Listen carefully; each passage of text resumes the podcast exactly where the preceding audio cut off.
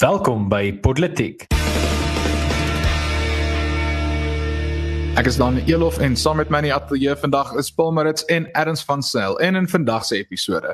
Staat wil jou wapens kom haal en die Mkhizi tender skandaal.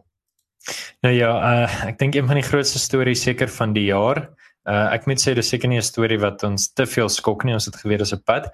Ehm um, maar is die die wapen storie en natuurlik is ons in die bevoordeelde posisie as politiek paneellede en jy as politiek luisteraar dat ons uh by die Afriforum se regspan en Afriforum se projekte span hier op ons paneel het. So erns uh wat gaan hier aan en hoekom is dit 'n probleem? Hmm. So die die lang en die kort van die storie is uh die uh, regering wil eintlik die kwalifikasie van selfverdediging verwyder as 'n rede of rasionaal vir 'n burger om 'n vuurwapen te kan besit. Nou, ek dink as enigiemand ehm um, dink in terme van wat dit behels om jou uh 'n uh, rasionalisering neer te skryf vir hoekom jy 'n vuurwapen wil hê, sal enigiemand eintlik met gesonde verstand net kan sê, maar ag wat ek bly in Suid-Afrika en hieso is die moordsyfer en uh, ek dink dis genoeg goed genoeg rede om 'n vuurwapen te kan hê of om 'n vuurwapen lisensie te kan hê. Maar die groot ding is in terme van hierdie is dat hierdie is definitief een van die die grootste gevegte as dit kom by die die vuurwapen debat want wat die regering eintlik hierso doen met hierdie wysigingswet is dat hulle verwyder die enigste soos konkrete rede wat meeste mense sal hê om 'n vuurwapen te besit. Ek sukkel om te dink aan 'n ander goeie rede oor hoekom iemand in Suid-Afrika 'n vuurwapen sal wil besit behalwe vir sport of as 'n stokperdjie. Ehm um, maar wat regtig vir my uitstaan met hierdie storie is die feit dat uh, daar is al klaar 'n ongelooflike groot uh bondgenootskap van verskillende organisasies, verskillende burgerregte organisasies, nie uh uh nie regeringsorganisasies wat al klaar dadelik skouer aan die wiel gesit het om hulle om petisies daar buite te sit om die die uh, burgery in te lig en om die eh, en briewe te skryf in terme van om die regering teen te staan in hierdie drakoniese stap want dit is absoluut belaglik. Dit is regtig 'n uh, eh, dit is eintlik nogal arrogant van die regering om te dink dit hulle kan hiermee wegkom. En ek dink miskien net 'n laaste ding voor ek uh, hele man as 'n kommentaar hierso hoor is dat nou hierdie week het uh, die minister van polisie Bekkie Cele gesê dat um, die burgers het nie 'n grondwetlike reg tot 'n uh, vuurwapen eienaarskap nie. Maar nou Daniel jy gaan bietjie miskien vir ons bietjie meer daaroor kan vertel ek dink die die grondwetlike reg tot om jouself te kan verdedig uh is definitief dit. Maar nou in terme van uh miskien net nog voor ek aangaan ek sien uh ek moet miskien net uh klarifieer hoekom uh ek nie 'n uh, prentjie of hoekom ek net 'n uh, ikoon op die skerm is. Uh, ek is nie tans by die huis nie, so ek moet nou net uh ek julle gaan nie my in elk geval kan sien as ek my kamera aan nie. Ek sit in 'n baie 'n donker vertrek waar daar nie regtig baie son in kom nie. So jy gaan maar net hierdie ikoon vir die res van die program sien. Ernst ek sê mos jy is nog altyd die ikoon. Ehm um, maar goed ek yes, julle ek ek dink ons kan ek sal ure oor hierdie kan praat want dit is op baie keer op politiek aan gesels ons oor oor nie stories en dan op die ou ende eindig ons in geval by die filosofiese of die ideologiese posisie of gesprek uh eindig ons daarop maar jy, jy kan tog daarmee nie meer uh, ideologies en en fundamenteel kom as as hierdie storie nie.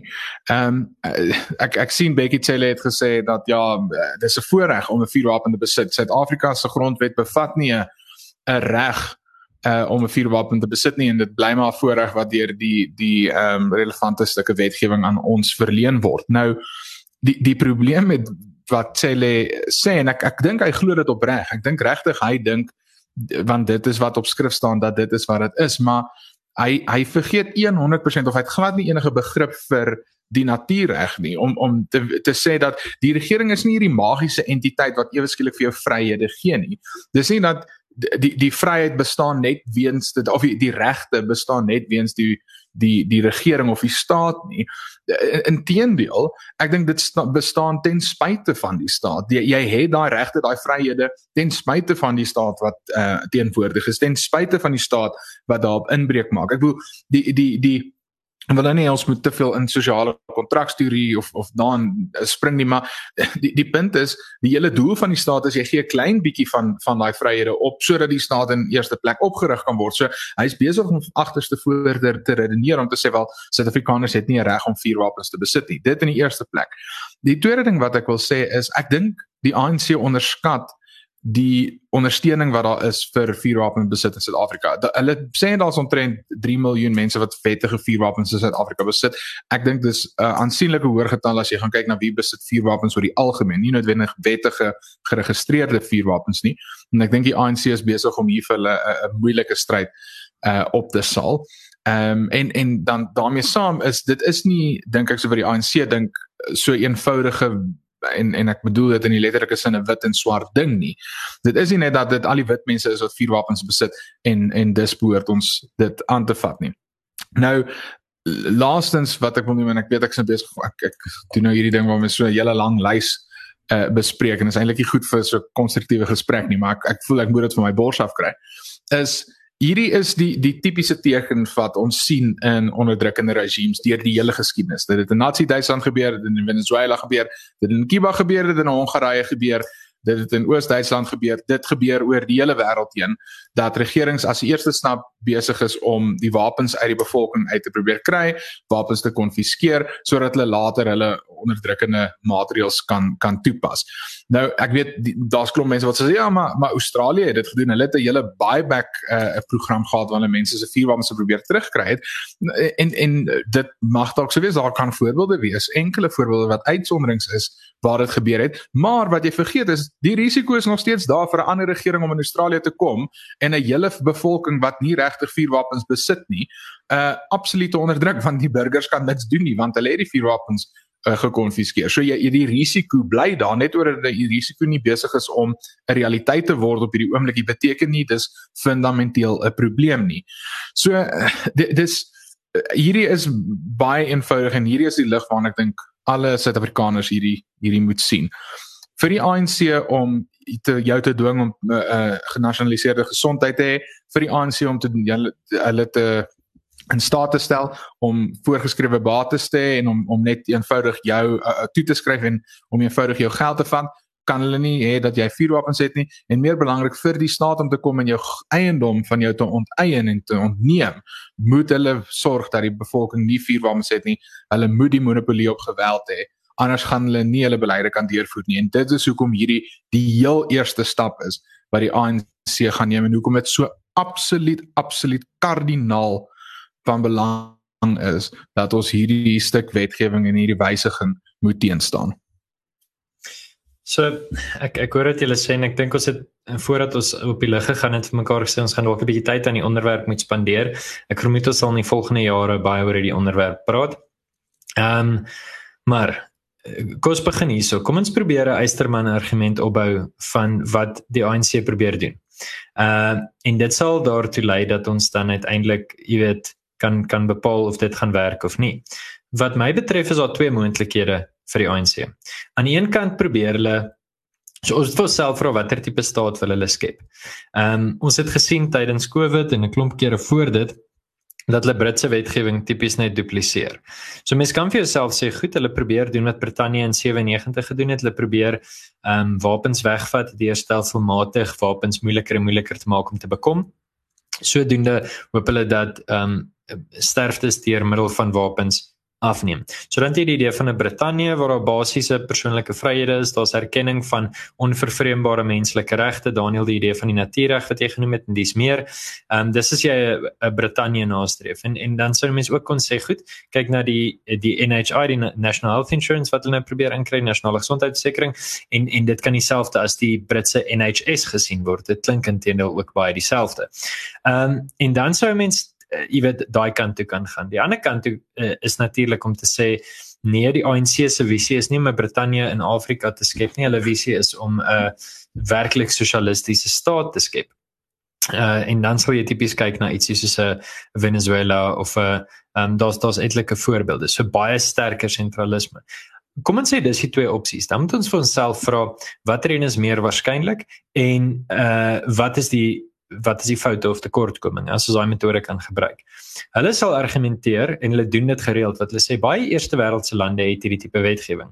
Uh hulle doen dit gereeld. Hulle hulle het byvoorbeeld met grondonteiening het hulle gesê ja maar in Israel kan jy nie grond besit nie. Uh, okay, asof die ANC al ooit jy weet Israel as 'n rolmodel gesien het.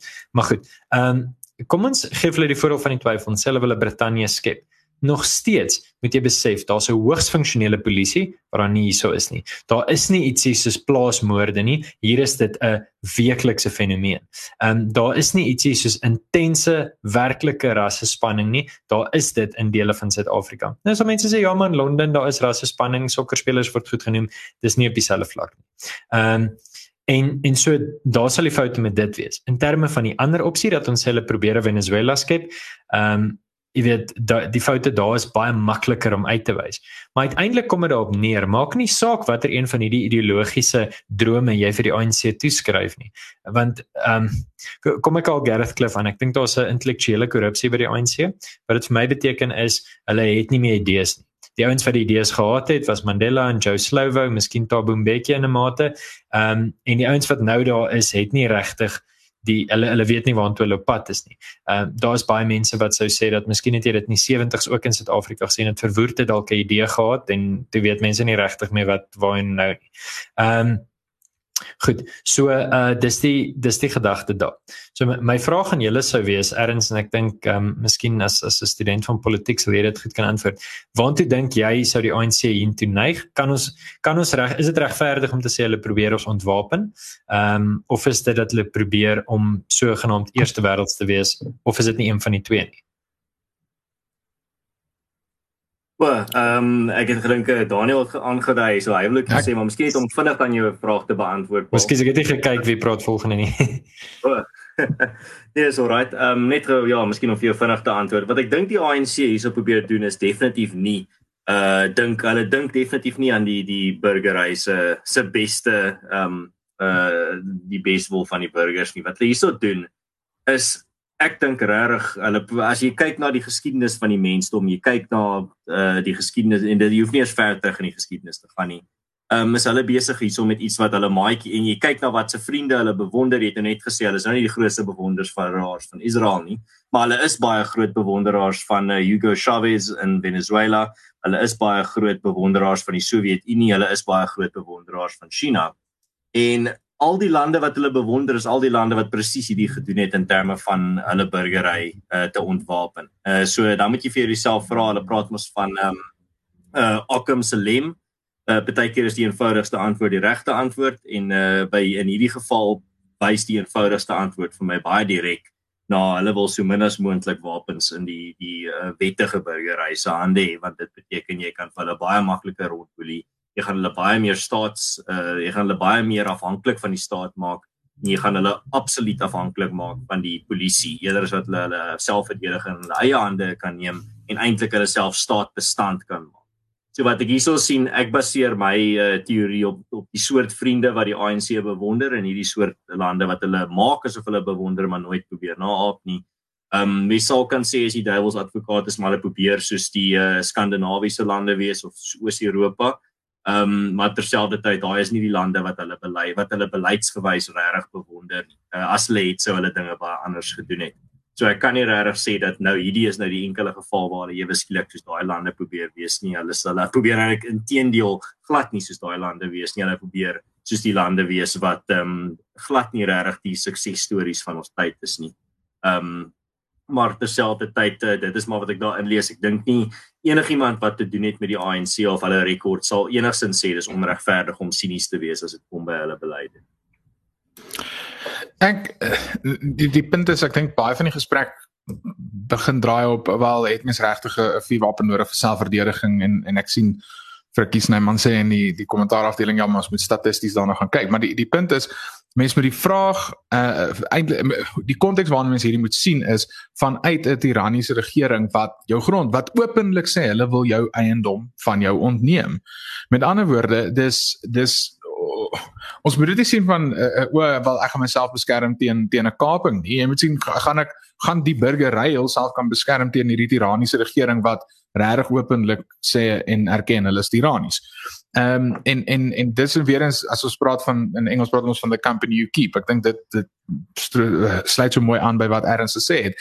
Uh on, ons sit nie in 'n situasie waar ons 'n Verenigde Koninkryk is met 'n gevestigde ongeskrewe grondwet wat jare oud is um, en in 'n land wat hierdie vryhede en regte respekteer en 'n institusionele 'n uh, 'n uh, weefsel het wat tiranniese regerings kan kan teenstaan want uh, ons moet erken wat se situasie sit ons in Suid-Afrika en ons sit met twee bedreigings. Ons sit met die bedreiging van hierdie tiranniese regering en tweedens sit ons met die bedreiging van 'n uh, land met van die hoogste misdaadsyfers in die hele wêreld.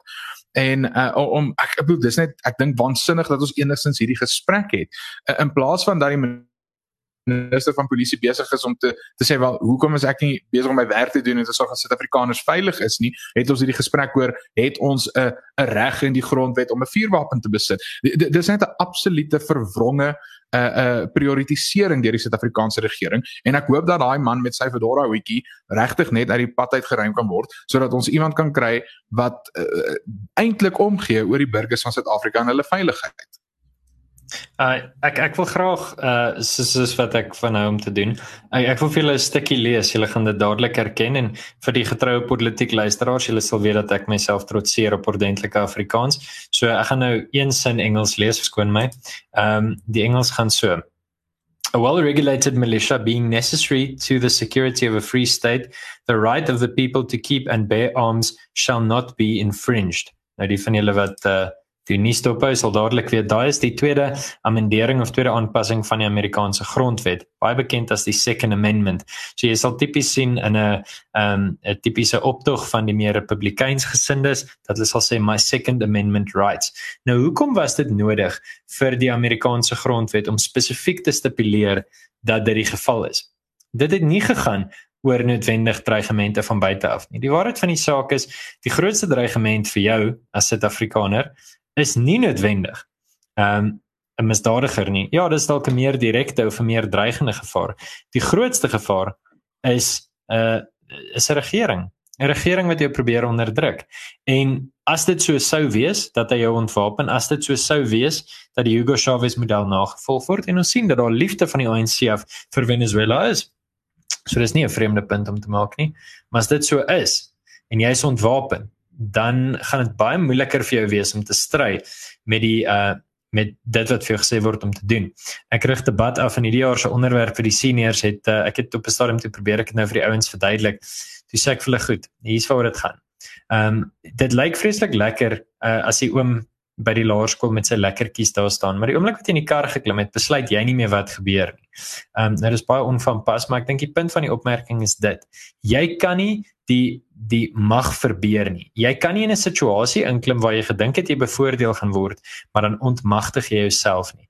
Ehm um, moenie moenie verlei word deur die idee van 'n utopie nie. Uiteindelik ehm um, is jou vermoë om jouself te beskerm en jou gesin te beskerm myns insiens en ek sou dink ehm um, enige persoon wat net basiese westerse waardes verstaan, uh is dit ook vir daai persoon logies so. Dis 'n kardinale inherente en onvervreembare mensereg. Nou uh dalk net om om af te sluit. Ehm um, ek ek dink ek sal bereid wees uh ook om om hierdie gesprek te voer as Becky sê dit besluit dat hy al sy gewapende leiwagte sal prysgee. Dan kan ons dalk bietjie hieroor gaan gesels, maar voor dit nie gebeur nie, dink ek is daar nie enigsins 'n gesprek of of enigiets om om oor verder te gesels met meneer Cellini. Nou ja, uh, kom ons gesels verder oor uh, lekker sosialistiese en kommunistiese mislukkings. Uh soos wat ons uh, al gewoon geraak het in Suid-Afrika. Uh minister Mkhize uh wat wat 'n jaar terug nog uh, in baie mense se oë absolute held was, jy weet, dit was die, die man wat ons teen die COVID pandemie moet red. Uh ek onthou nog ek het verlede aan omtrent presies hierdie tyd toe toe stuur ek 'n tweet uit wat sê wel uh, ons sit ons vertrou in dieselfde mense in regering wat nie eers lokomotiewe kon koop wat op ons spore kon pas nie. Nou vertrou ons hulle om 'n land se ekonomie te bestuur en 'n pandemie behoorlik uh, te probeer uh, uh, deurgaan en te, te regeer in daai tyd. Ehm um, en en nou het ons gesien, hier sit ons nou met die gewakte pere dat ons uh, hierdie regering vertrou het, dat ons gedink het hulle gaan verantwoordelik optree, dat ons gedink het hulle gaan die belang van die land optree en, en nou is daar nog 'n paar miljoen uit die Suid-Afrikaanse sakke uit en ons weet nie of ons dit wendig gaan terugkry nie want soos dit vir my lyk op die oomblik sukkel ons maar om al hierdie gesteelde en gekaapte geld op die ouende in elk geval by die politici uh, op te eis. Ja, so ehm um, laat ek wegspring hiermee. Ek ek ek dink ja, kom ek stel dit so. Ek gaan bietjie iets anders probeer met hierdie onderwerp vandag. Ek gaan vir julle 'n lekker inleiding gee al die feite wat ons by die stadium tot ons beskikking het. Dis 'n baie vars storie het eintlik maar vanoggend aan die lig gekom. Uh, vanoggend het het minister Mkhize self 'n uh, 'n YouTube regstreeks uitsending gehad. En dan wil ek vir julle 'n paar vrae vra wat ek dink ehm um, dis dalk 'n lekker manier om om die die onderwerp te struktureer. Maar goed, bietjie inligting uh vir die politiek luisteraar wat nou nie in die laaste paar uur nuus gekyk of geluister het nie. Tahira Mather, ek weet nie wat reg regte uitspraak is nie. Uh en Nadira Mita Nou Tahira um, Mather is die voormalige woordvoerder en Nadira Mita is die voormalige persoonlike assistent. Beide van Dr. Willem Kizi staan in die sentrum van 'n korrupsieskandaal uh vir vir vermeende korrupsieskandaal. Hulle besigheid Digital Vibes het bykans 150 miljoen van die departement van gesondheid gekry vir baie bevraagtekenbare uitgawes, groot dele waarvan die minister self vandag gesê het was sogenaamde fruitless expenditure. Ons kan sê vruglose, sinlose of nutlose uitgawes. Ehm um, nou waar hy net die 150 miljoen gegaan. Bykans 90 miljoen is na entiteite wat hulle opgestel het. Uh daar's ook geld na projekte van die Amabaka koning, uh die wyle uh, Amabaka koning Madikizan Mat Matsikane 2 um ehm, vir sy Royal Baka projekte. En uh, omtrent ja omtrent 40 miljoen is na uh, ontvangers toe wat as legitiem beskou word. Nietemin uh so daai is kom ons sê daai is nou wat die geld betref in terme van die dienste wat gelewer is hierdie sal vir jou as politiek luisteraar interessant wees is daar betaal vir dienste wat gesien word as die interne werk van 'n kommunikasiebeampte van die ministerie. So byvoorbeeld het hulle rekeninge gevra om om byvoorbeeld uh, aanlyn sessies te skeduleer. So ek weet nie wat dit presies behels nie, maar dit sal teen teen beteken om kontak met die media te maak om die media konferensie aanlyn te skeduleer, die uitnodigings uit te stuur en so aan. Het hulle voor geld gevra. En ek meen ons praat hier van miljoene rande. Uh die laaste punt wat ek wil maak is spesifiek oor Dr. Mkhize self. Uh ons weet hy's 'n jong opkomende leier. Ek dink baie mense het gesê hy's 'n opkomende president van die ANC en dan dalk ook van die land. En nou kom daar hierdie punt na vore waar ons by politiek lankal gesê het korrupsie is nie party mense in die ANC nie, dis inherent en is deel van die struktuur. En ek sou argumenteer dat hierdie spesifieke gebeurtenis ons punt reg bewys. So ek wil by julle weet of julle met my saamstem dat dit dit sou bewys en wat julle dink hierdie gaan beteken vir Dr Mkhize se loopbaan in die lang en kort termyn.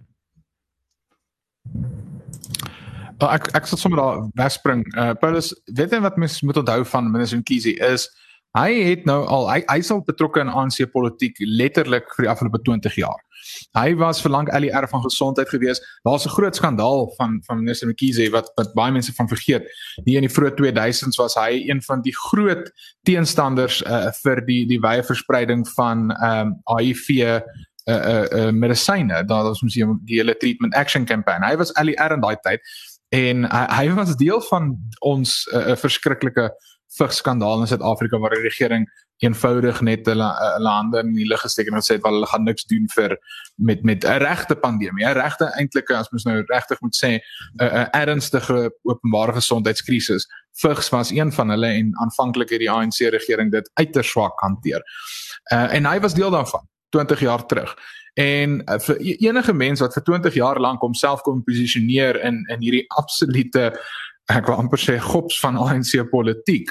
Uh moet jy weet hy's 'n glibberige man uh en hy's waarskynlik 'n skelm. En en dis so 'n foto soos dit. So dit verbaas my glad nie dat hierdie nou uh, uh uitgekom het nie. Daar was al sprake hiervan aanvanklik toe die pandemie net begin het, het ons al klaar gesien dat daar gerugte dat uh, van die 'n uh, persoonlike beskermingstoerusting se fondse word verkeerd aangewend. Dit gaan aan 'n uh, um, uh, aan aan uh, verskillende partye wat uh, verhoudings het met lede in die, in die regering. En en en weer eens is ons regtig verbaas. Hoe hoeveel keer moet hierdie goed nou oor en oor gebeur vir Suid-Afrikaners om nou te dink uh, verstaan nie te besef dit is die realiteit nie. Uh ongelukkig loop hierdie mag in die staat en die sentralisering van mag uh, hand aan hand met korrupsie want hulle het die vermoë om dit te kan doen. Hulle hulle hulle hulle hande is nie ver weg van die spreekwoordelike cookie jar nie. So dit is net eenvoudig te aanloklik vir hulle om nie die geld te steel nie. Ehm um, en en so bedoel hierdie storie die, die ander ding natuurlik is dis maar 'n paar miljoen in vergelyking met wat ons al in die afgelope 10 jaar in Suid-Afrika gesien het wat gesteel is, is dit maar 'n druppel in in in die hele groot blou see. Uh, dis dis regtig verskriklik dat ons so gewoond geraak het aan korrupsie dat 'n paar miljoen rand ons nie meer so vreeslik baie pla nie, maar in vergelyking is dit ehm um, is, is dit nie so groot probleem nie. Ek het net vandag toe sit ek en dink dis nou weer beerdkrag wat wat terug is. En dink ek wel, dank Vader, beerdkrag is nie meer weet beerdkrag wat ons hele land se ekonomie geruïneer het, gesorg het dat ons nie meer behoorlik uh, kan groei nie gelukkig is dit nie meer ons grootste probleem nie. Ons grootste probleem nou is die feit dat die regering ons vuurwapens wil vat sodat hulle ons grond kan onteien. So ten minste is dit nou net die derde grootste probleem in Suid-Afrika of die grootste bedreiging op hierdie punt. Ja, nee Daniel, wat jy nou daar sê is nou iets wat ons dalk nou tot vervelings toe herhaal hier op politiek, maar dit is tog iets wat ek dink elke episode amper genoem moet word want dit is 'n belangrike punt en dit is dat daar is nie 'n vrot ANC faksie nie. Daar's nie 'n dis nie net omdat dat die ANC die afgelope tyd onder slegte leierskap was dat hulle so korrup is nie. Dis nie dat daar 'n paar vrot appels binne in die ANC is nie. Nee, die ANC is absoluut vrot van die korrupsie. Elke week word 'n nuwe ANC politikus of kader betrek by 'n skokkende korrupsie plunderskandaal, korrupsie of plunderskandaal. Uh die party is heeltemal, ek sal sê tot in sy fondasies vrot om verskonings te maak vir hierdie morele bankrotte party of die leierskap daarvan en dit sluit vir Cyril Ramaphosa in het ek dink 'n immorele daad in homself geword en dit moet so behandel word. Ons kan nie meer praat van Cyril Ramaphosa se toespraak was magnifiek en ons moet nou hom volg nie. Nee, twak. In terme van wat sy die mense onder Cyril Ramaphosa doen, die mense wie hy in hulle posisies gesit het of in hulle posisies hou, is die op die ou end die goed wat ons vir Cyril Ramaphosa aan ehm um, uh wel sy waarde as 'n president moet uh moet meet. En in terme van dit is sy rekord net so skokkend maar niemand lyk my wys enige vingers na meneer uh, Ramaphosa toe nie. En ek dink dit is die ding is dat mense moet besef dat dit is die ANC party wat die fout is of wat die probleem is nie 'n faksie daar nie. Dit gaan nie oor die nuwe dagbreek faksie teenoor die die Ysmagashule RET faksie nie. Dit is die hele party wat die probleem is. En ek dink die die grootste bewys daarvan is is die feit dat die ANC het daarin geslaag om vlakke van skaamtelose korrupsie te bereik wat voorheen deur wetenskaplikes as onmoontlik gesien is. Ja, ek ek dink Daniel ek kan sien jy wil baie graag reageer, so ek sal my bydrae kort hou.